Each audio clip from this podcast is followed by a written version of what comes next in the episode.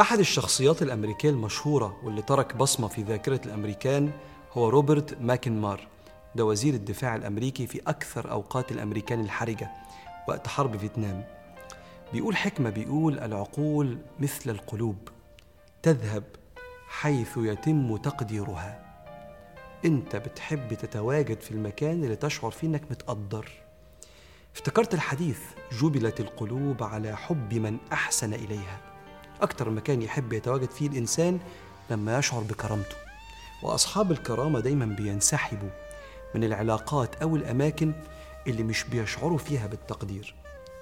وعلى فكرة بالتقدير تقدر تقيس قوة أو هشاشة أي علاقة على حسب حجم التقدير والاهتمام المتبادل بين الطرفين.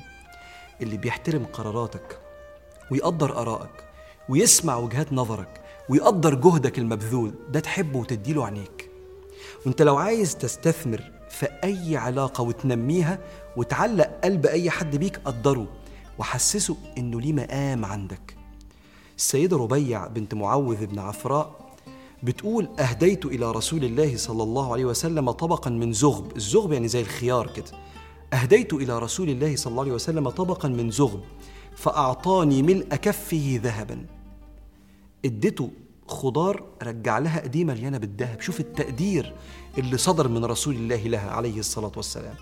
وكان إذا جلس مع أصحابه يوزع نظره عليهم حتى يظن الجميع أنه أحب الناس إلى رسول الله. الكل يطلع فاكر من كتر ما النبي بص له وقدره النبي بيحبني أكتر واحد.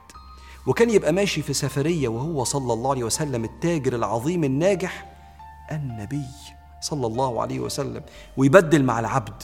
العبد ده كان بيهان أيام مكة أيام قريش لكن سيدنا النبي صلى الله عليه وسلم يركب شوية والعبد يمشي وبعدين يركب العبد شوية والنبي يمشي صلى الله عليه وسلم ويلف على النساء الفقراء الأرامل علشان ياخد منهم الثوب بتاعهم المقطع يخيط لهم لبسهم صلى الله عليه وسلم مهتم بالجميع ومقدر الجميع.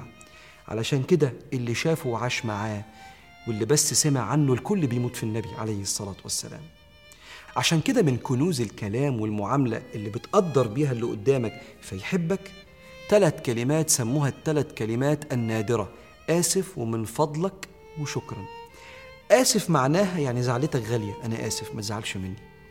ومن فضلك معناها يعني أي حاجة هتعملها ده تكرما منك فمن فضلك اعملها لي. وشكرا معناها أنا مقدر مجهودك ومساعدتك. الثلاث كلمات النادرة دول بيجبروا الخاطر. وما عبد الله بشيء مثل جبر الخواطر. والعلاقة اللي انت بتشعر فيها بالتقدير والكيان الحقيقي على الحقيقة هي علاقتك مع الله. ربنا بيعلم العباد هو إزاي بيقدرهم. عشان هم يقدروا بعض فيتخلقوا بأخلاق الله. رب مستغني عظيم يضحك للعباد من بعض الأعمال الصالحة. رب عظيم السماوات والأرض يباهي بهم الملائكة. لما يعملوا بعض الأشياء الصالحة والنافعة لنفسهم. ينزل إليهم هو علشان يدعوهم للرجوع إليه والتوبة. من يستغفرني فأغفر له. ولو تبت لربنا يفرح بتوبة أحدنا سبحانه وتعالى.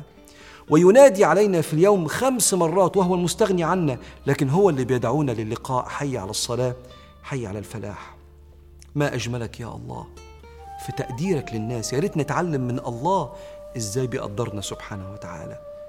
تذهب العقول والقلوب حيث تشعر بالتقدير. فاللهم يا قادر يا قادر اجعلنا ممن تواضع وجبر الخواطر.